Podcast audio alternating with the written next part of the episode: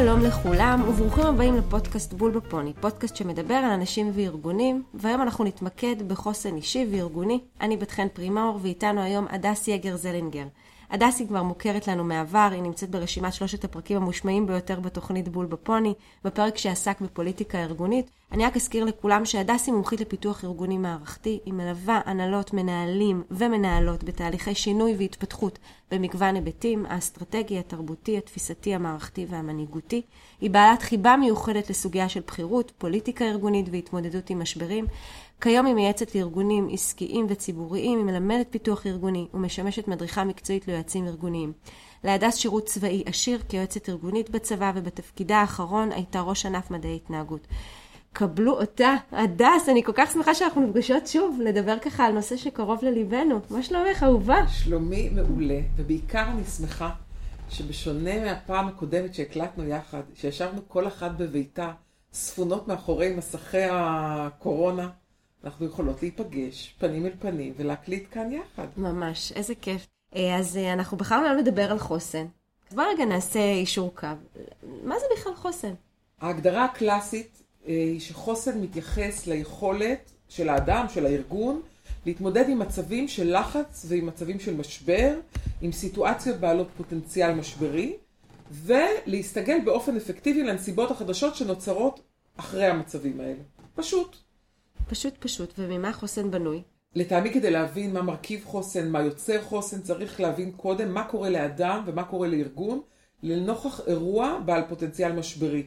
להבין מהו אותו מצב שמחייב את היכולת הזאת אה, להתמודד ולהסתגל שהם מרכיב הליבה של החוסן. עכשיו לפני כן אני רק אגיד, השתמשתי בביטוי אירוע בעל פוטנציאל משברי, כדי להגיד, המשבר אינו טמון במאפייני האירוע. הוא טמון באופן שבו אנחנו מגיבים לאירוע. בחוויה. אירוע אחד, בדיוק, אירוע אחד יכול לגרום, לגרום למשבר לארגון או לאדם מסוים ולא לגרום לאחר. אני משתמשת כבר המון שנים בגרסה המורחבת של עקרון הרציפות של עומר ואילון. מדובר במודל שפותח על ידי חיים עומר ונחי אילון בשנות ה-90 המוקדמות, בהתחלה עבור מערכת החינוך, בהמשך עבור uh, צה"ל. והרעיון המארגן בבסיס המודל גורס כי בהתמודדות עם משבר, לסוגיו השונים, אוקיי? המאמץ המרכזי צריך להיות מכוון לשמירה על הרציפויות בחיים של הארגון, בחיים של המסגרת, בחיים של האנשים. זה הרעיון המארגן. כי ההנחה היא שבמצב שגרה מתקיימות רציפויות, ובמצבי משבר עשוי, זה פוטנציאל משברי, עשוי להיווצר נתק או איום בנתק על רצף אחד או יותר מזה. הרציפות הראשונה היא רציפות תפקודית, מתייחסת לתפקוד היומיומי, המקצועי, הרגיל בארגון, לתפקידים שאנחנו ממלאים, גם הפורמליים, גם הלא פורמליים. הרציפות השנייה היא הרציפות הרגשית אה, אה. זה מתייחס לרשתות החברתיות שלנו, לקשר עם המארג החברתי שלנו, למאפיינים של ההקשרים האלה, וזה מתייחס גם להיבטים הרגשיים שקשורים לאירוע. מה אני מרגישה לאירוע שקורה? הרציפות הקוגניטיבית מתייחסת לידע שלנו ביחס לעולם. מה אני יודעת על הכללים שמתקיימים בו? מה אני יודעת על החוקים שלו? הרצף הזה מתייחס ליכולת שלי לחבר בין סיבה לתוצאה במצב הרגיל, לקבלת החלטות, לאופן שבו אני מקבלת, ליכולת שלי לפענח, להסביר את, את הסביבה. הרציפות ההיסטורית, זה שם קצת מטעה, אבל הוא, הוא מצוין. הרצף הזה מתייחס ליכולת שלנו להסתכל על ההיסטוריה של עצמנו, לאמונות שלנו ביחס לעצמנו, לערכים שלנו, לדימוי שלנו, לחוויות העבר שלנו. להיות מסוגלת להסתכל ולהגיד מי אני הייתי, מי אני, מה יש לי, מה המטען שלי. עם איזה סל אני מגיעה. עם איזה סל אני מגיעה, לנקודה שבה אני צריכה אה, להתמודד עם אירוע כלשהו. והרציפות האחרונה זה הרציפות המנהיגותית. הרציפות הזאת מתייחסת לצורך של אנשים, של קבוצות, של ארגונים, במנהיגות. מנהיגות זה דמות מנהיגותית, אבל לא רק דמות מנהיגותית, זה גם אה, היבט תפיסתי והיבט קונספטואלי של uh, uh, כיווני פעולה משותפים, של תפיסות משותפות, של uh, החלטות שמתקיימות. העובדה שיש uh, פונקציה מנהיגותית בחיים של אנשים. ולכן אם את שואלת, ממה בנוי חוסן? התשובה הכי פשוטה זה קיומם של רצפים משמעותיים ואפקטיביים בשגרה, ומכלל הכוחות, כלל היכולות, כלל המנגנונים, לשמר את הרציפויות או לשקם אותם אחרי שהן נפגעות. אני חושבת שבאמת חשוב לנו גם להתייחס לכך שקושי יכול להגיע לעיתים קרובות אה, ממספר חזיתות, וההצטברות היא באמת אה, אתגר. בסופו של דבר יש לנו אה, יכולת אה, אה, להתמודד באפקטיביות עם רמות לחץ גבוהות, וגם הדרישות שלנו גוברות, והעומס נמצא, ואנחנו כל הזמן צריכים לג'נגל בין כמה וכמה אה, תחומים בחיים שלנו, אם זה ילדים, אם זוגיות, אם זה עבודה, אם זה פנאי. ובסוף אנחנו מדברים על זה שזה לא משבר אחד גדול, אלא הצטברות רבה של דברים קטנים. אז למה חשוב לנו לעסוק בתחום החוסן גם כמנהלים וגם כאנשי מקצוע? אנחנו פועלים בעולם שמשתנה באופן תדיר ובלתי ניתן לחיזוי. יש ריבוי עצום של גורמים משפיעים בחיים שלנו. כל המאפיינים האלה מייצרים הוויה של דחק, גם בלי אירוע קונקרטי מובחן. והעיסוק בחוסן נהיה רלוונטי מתמיד, מכיוון שהוא נדרש לא רק לנוכח, לנוכח משבר, אלא ביחס ללחץ מתמשך. עכשיו, כמנהלות וכנשות מקצוע, יש לנו מחויבות גם לתפקוד מיטבי של הארגון, וגם לאיכות החיים והרווחה של מי שסביבנו. והעיסוק בחוסן תורם לשני הדברים הללו לא רק אל מול אירוע גדול, אלא גם אל מול ההוויה השוחקת. נכון, את ממש צודקת, ואני חושבת שאנחנו צריכים לזכור שהחוסן גם נמצא במתאם גבוה מאוד עם הרבה תופעות חיוביות שיש לנו בתוך הארגון. ואני אתן לזה דוגמה, למשל, אם זה ירידה בקצב תחלופה של עובדים ובכמויות היעדרויות בשל מחלה. אם זה בהיבט של העלאת שביעות רצון בעבודה, ככל שהחוסן יותר גבוה, אני יותר שבע רצון, גם ככה מערכת היחסים בתוך הארגון יותר טובה, יש תחושת מחוברות ארגונית יותר גבוהה, וגם הפרודוקטיביות הצוותית היא בהחלט עולה, והתחושת ה-well-being. עכשיו, כשיש לנו צוות שה... שהוא בעל חוסן נפשי נמוך יותר, והוא נכנס למצב חירום, אז חברי הצוות עלולים להיות מרוכזים יותר בעצמם, כי הם לא מבינים איך להתנהל במצבים כאלה, ואז הדינמיקה שלהם כקבוצה נפגעת באופן משמעותי, אם זה בא לידי ביטוי בכל ההיבט של תהליכי קבלת החלטות, בתיאום תהליכי העבודה שלהם, והביצועים שלהם בסוף אה, מידרדרים אה, באופן, אה, באופן ישיר. כל החבילה הזאת של המאפיינים הטובים של אנשי מקצוע אה, אה, מצטיינים, של מנהלים מעולים ושל ארגונים אה, בתפקוד גבוה, הם כולם נמצאים במתאם גבוה עם חוסן. אז איך אנחנו יכולות למדוד באמת אה, חוסן? באופן כללי אפשר להעריך את החוסן, קודם כל ביחס להתמודדות עם אה, אירועים בעבר. נכון. מה קרה לארגון בעת משבר? בהמשך לכך, אולי המרכיב היותר משמעותי, הוא להתבונן על איך הארגון חזר חזרה לתפקוד. קודם כל ברמה הכי פשוטה, כמה זמן זה לקח לו. Mm-hmm. מה נדרש כדי שהוא יוכל? בארגונים אה, אה, עסקיים אפשר למדוד את זה במונחים של כסף, במונחים של צמיחה. כמה זמן לקח עד שהתפוקה חזרה להיות אה, כפי שהייתה לפני כן. דרך נוספת היא להתייחס למרכיבים תשומתיים. כמה משקיעים בארגון בהיערכות לכך שיהיה אירוע חירום. האם יש מודעות ניהולית לכך שצריך אה, להתארגן? כמה גבוה בסולם הארגוני נמצא הקשב לחוסן. האם בארגון קיימת מנהיגות שהיא משמעותית, שהיא נוכחת, שהיא איתנה ושהיא מטיבה? אין ספק, ואני בהחלט חושבת שמה שנתת לנו כאן כאמצעים למדידה, בהחלט יכול לעזור לנו ככה גם לעשות בדיקה היום, מחר בבוקר, אם הארגון שלנו נמצא ועוסק בחוסן. ואין מה לעשות, כשאנחנו עובדים על חוסן האישי שלנו, הפגיעות שלנו ללחץ וגם לשחיקה פוחתת. היכולת שלנו גם להכיל רמות גבוהות של לחץ ולהמשיך לתפקד באפקטיביות, תוך זה שאנחנו שומרים על, ה- על עצמנו, היא עולה. יש משמעות גדולה מאוד לאיתנות האישית וליכולת האישית להתמודד, ולכן מנהלים שרוצים להיות מסוגלים להוביל את הארגון שלהם להתמודדות מוצלחת עם קושי, נדרשים לעבודה עצמית. אז בואי רגע נתחיל מהפרט. איך אה, הוא יכול לבנות את תחושת המסוגלות והחוסן האישי שלו? כל אחד שנמצא בארגון. יש כמה מרכיבים בסיסיים ביצירת חוסן, והם כמובן קשורים ברציפויות שהזכרתי קודם לכן. למשל, אם אני מתייחסת לנושא של הרציפות התפקודית, צריכה להיות לאדם בהירות ביחס לא רק לתפקיד שלו, אלא ביחס למשמעות שלו. למה אני כאן? בשביל מה אני עושה את מה שאני עושה? להבין למשל מה אני אמורה לעשות כשקורה חירום. זאת אומרת, הסיפור הזה שלא רק להגיד, אני עושה את שלי היום, כשיגיע חירום אני אסתדר. לא, להחזיק בראש תמונה בהירה ככל האפשר. למה יקרה לי אם, אם משתנה הסיטואציה? מה יקרה לי אם יש איזה איום מבחוץ? רציפות uh, הרגשית והחברתית באה לידי ביטוי בקיומם של חיבורים משמעותיים, גם תפקודיים וגם חברתיים. כשאני יודעת שהתפקוד המיטבי שלי בשגרה ובחירום כרוך בכך שיש לי חיבורים משמעותיים עם האנשים סביבי, אז אני יודעת שכדאי לי להשקיע בכך. היבט נוסף שהוא מאוד מאוד משמעותי, ואני חושבת שאולי הוא אחד המוחמצים נוגע למה שהתייחסתי אליו קודם סביב הנושא של רציפות היסטורית. אנשים, מנהלים בעיקר, נוטים להסתכל קדימה, ושוכחים להסתכל קצת אחורה, שוכחים להסתכל קצת פנימה. וחלק לא מבוטל מהיכולת להתמודד טוב ולפתח חוסן קשור במודעות העצמית שלי, בהיכרות אמיתית ובהיכרות עמוקה עם הכוחות שלי, הכוחות האישיים והתפקודיים שלי, הכוחות שנובעים מהחיבורים שלי, מההיסטוריה שלי. אני יכולה להעיד על עצמי שבכל אירוע שמשברי, שעברתי ברמה האישית או ברמה הארגונית תפקידית ב-20 שנה האחרונות, נשענתי בין היתר על הזיכרון המאוד מוחשי שלי ביחס ליכולת להתמודד בעבר. כל אירוע בנה את היכולת העתידית. וואו, מדהים. אני באמת חושבת שאין ספק שהעבודה על מקורות החוסן והמרכיבים שציינת לנו, הם באמת מסייעים לנו גם להרחיב את הרפרטואר ההתנהגות שלנו, ומאפשר לנו ליצור יותר מרחב גדול יותר וגמיש יותר, גם מבחינה מנטלית, גם מבחינה אה, רגשית, גם מבחינה פיזית וגם אה, חברתית. אני מאוד התחברתי לאופטימיות, ואני חושבת שהאופטימיות והיכולת שלך כבן אדם לפתור בעיות בצורה אפקטיבית, וגם האמונה, התחושת הזאת שדיברת עליה, תחושת המשמעות, החוללות העצמית, הגמישות, השליטה בדחפים והאמפתיה, כל אלה בעצם באמת יכולות לעזור לנו לבוא ולהתמודד במצבים שהם מצבים מורכבים.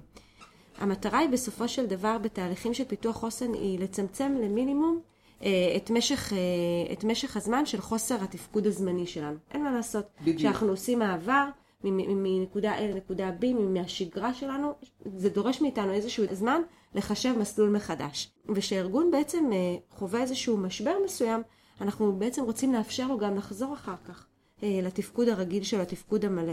גם אם לעיתים התפקוד הזה הוא תפקוד אחר, או לא תפקוד כמו שהוא היה רגיל, אנחנו רואות את זה נורא חזק היום בקורונה, וגם אם זה למצב שהוא מצב שהוא חדש. איך מנהלים אה, יכולים לחזק את החוסן אה, בארגון? כמו שאמרת מאוד יפה, המשימה המרכזית שלנו אל מול אה, אירוע משברי, הוא להתעשת ולחזור לתפקוד מיטבי באופן היעיל ביותר והמהיר ביותר. הדגש פה הוא שאנחנו לא רוצים בהכרח לחזור לאותם דפוסי תפקוד, אנחנו רוצים לחזור לתפקוד מותאם לסיטואציה החדשה. בהקשר הזה אני חושבת באמת שהקורונה אה, נתנה לנו פה אה, שיעור מצוין. כמעט כל הדברים שאמרתי לגבי, היכול, לגבי האופן שבו אנחנו בונים חוסן ברמה האישית נכונים גם כאן, הם פשוט מקבלים גוון מערכתי יותר, והם מקבלים ביטוי בפרקטיקות סדורות ובמנגנונים. כך למשל, אם אמרתי שחשוב שאנשים, אה, שחשוב לי כמנהלת להבין מה התפקוד, מה התפקיד שלי, מה התפקוד שנדרש ממני בחירום, מה המשמעות שלי, אז כאן נדרשות הגדרות תפקידים, נדרש, נדרשת הבניה של תהליכי עבודה, נדרשת בהירות סביב ממשקים ארגוניים, נדרשות הגדרות של תפקידים בחירום, נדרשת הבניה של תהליך uh, המעבר משגרה לחירום. גם הארגונים המיומנים ביותר בהיערכות לחירום, שמבנים באופן מעורר השתאות את המעברים שלהם משגרה לחירום ואת התהליכים שהם ינקטו בחירום, נוטים להזניח את המנגנון המשלים של האופן שבו תבוצע החזרה לשגרה. לאנשי המקצוע בינינו, אה, אם אה, הם רוצים אה, עצה בחינם איפה תמיד יש פער, שם. שם. במקביל להבניה של תהליכים, נדרשת הטמעה עמוקה של היבטים של גמישות ויכולת להתארגן מחדש. הרעיון הוא לא עשיתי את, את הדבר שאני יודעת לעשות הכי טוב, ועכשיו אחרי שקרה האירוע, אני אחזור ואעשה את הדבר שעשיתי הכי טוב. אני צריכה כארגון באופן עמוק וקבוע להיות אה, אה, אה, מסוגלת לשלב בין חוזק וגמישות, כמו שיבולים בסופה. חוסן הוא לא רק חוזק, חוסן הוא, הוא חוזק וגמישות. ארגונים שיש בהם תהליכים ברורים ויכולת להתאים את התהליכים האלה לאתגרים משתנים, יצליחו להתמודד טוב יותר מארגונים שיש בהם סדר. כמובן, מנהיגות משמעותית, מנהיגות מחוברת, מנהיגות שרואה גם את האפקטיביות הארגונית וגם את הרווחה של האנשים כמטרות מרכזיות, היא מנהיגות שתצליח לייצר חוסן ארגוני טוב יותר. כשאני עובדת עם ארגונים על חוסן ארגוני, אז אנחנו מתעסקים באמת ככה בשיפור מיומנויות אה, ובהכשרה אה, למנהלים שנמצאים בארגון, בכל ההיבטים של אה, ניהול, ניהול לחץ, התמודדות ומניעת שחיקה. בעיניי זה משהו שהוא גם כלי עבודה טוב למנהלים, ו, וכמובן פיתוחי צוותים בהיבטים של חוסן גם אישי וגם צוותי, שדרך זה אנחנו מקנים להם גם ידע על המאפיינים של ההתנהגות שנדרשת מהם באותה תקופה, ולזהות את הסיכונים שיכולים להיות בכל זה. אני חושבת שאת אומרת פה משהו על המאפיינים שנדרשים מהם, זה דגש מאוד מאוד משמעותי. כי אחד הדברים שעוזרים לאנשים להתמודד כשהם נדרשים לחוסן, זה הבנה שיש איזה סטנדרט של התנהגות שנדרש מהם. למשל, ההבנה שנדרש רצף תפקודי היא הבנה מאוד מאוד מחזקת.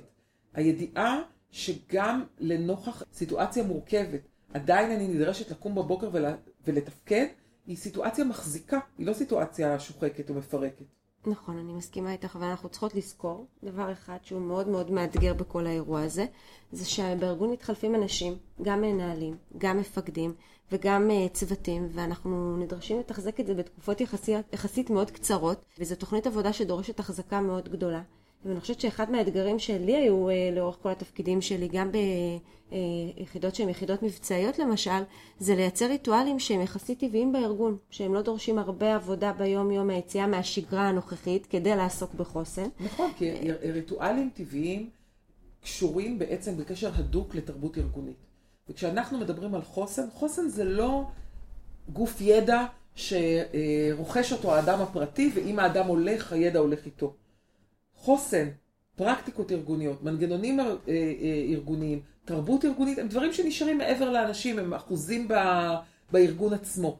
קחי למשל את התקופה הזאת אה, האחרונה. אני ממש זוכרת את האמירות שהיו סביבי, שעכשיו, עד שסוף סוף חזרנו, כל מה שאנחנו רוצים זה לחזור לשגרה, ויש לנו סוף סוף את היכולת לראות אנשים ולדבר ולהתחבק ולשבת בבתי קפה, באמת, לחיות לחיים נורמליים. ואז מגיעה היועצת ואומרת, רגע, חכה שנייה, בוא, בוא נדבר רגע על אה, על החוסן ועל מה היה ואיך היה, ואת יודעת, אה, והיו כאלה אנשים שאמרו לי, בואי, תקשיבי, צריך לשחרר. מי ש... כי, כי מי רוצה להתעסק בזה? אנחנו כבר אחרי האירוע הזה. כבר אה, סיימנו את הסיפור הזה. ואני זוכרת שאני, בתור יועצת, ראיתי את זה כהזדמנות נהדרת לקטוף את הפירות ולהגיד, בואנה, אחלה case study להתעסק בחוסן. עכשיו, את צודקת והם צודקים. ופה נמצא הפרדוקס הגדול של העיסוק בחוסן.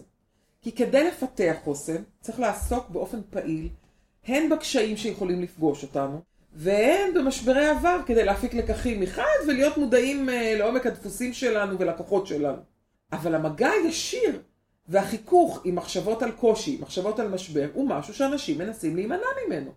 עכשיו, אני בעניין הזה נשענת על אחד מהשיעורים הרבים שלימדה אותי אה, סבתי עליה השלום, שיעור שאנשים שעובדים איתי מכירים אותו היטב, היא נהגה לומר, אם שילמת שכר לימוד, לפחות תלמדי.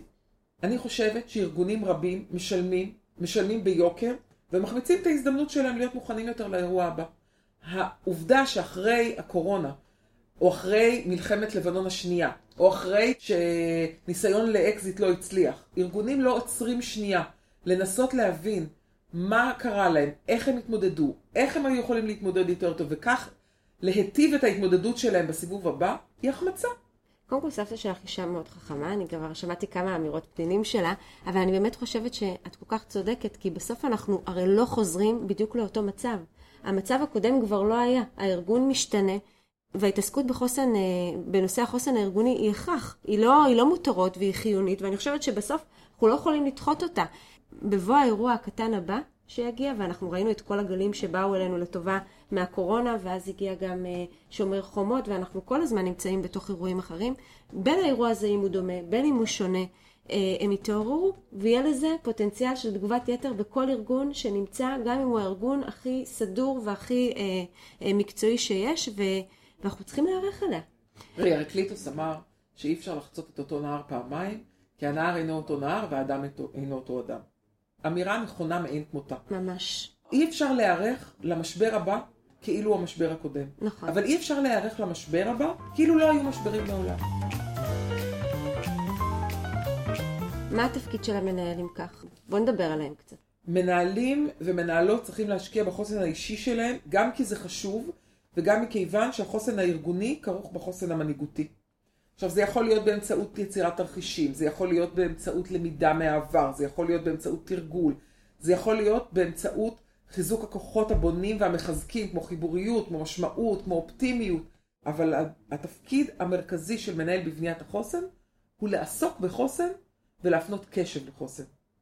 אני מאוד מתחברת לה, בעיקר ללמידה מתקופת משבר וליישם מנגנונים שעבדו. זה משהו שאנחנו עשינו את זה בארגונים אצלנו אחרי הקורונה, ופתאום גילינו המון יכולות uh, בתוך הארגון, והייתי מוסיפה uh, עוד שלושה דברים ממש בקצרה. אחד זה קודם כל ליזום פעילויות והפסקות uh, לחידוש אנרגיה. אנחנו רואים את זה מאוד מאוד חזק כשאנחנו נמצאים בשחיקה מאוד גדולה בעשייה שלנו. אם אנחנו קצת משלבים טיפה פעילות פיזית או פעילות אחרת, זה משהו שיכול להרים את הארגון. לחגוג על הצלחות ארגוניות, זה גם משהו שמאוד עוזר.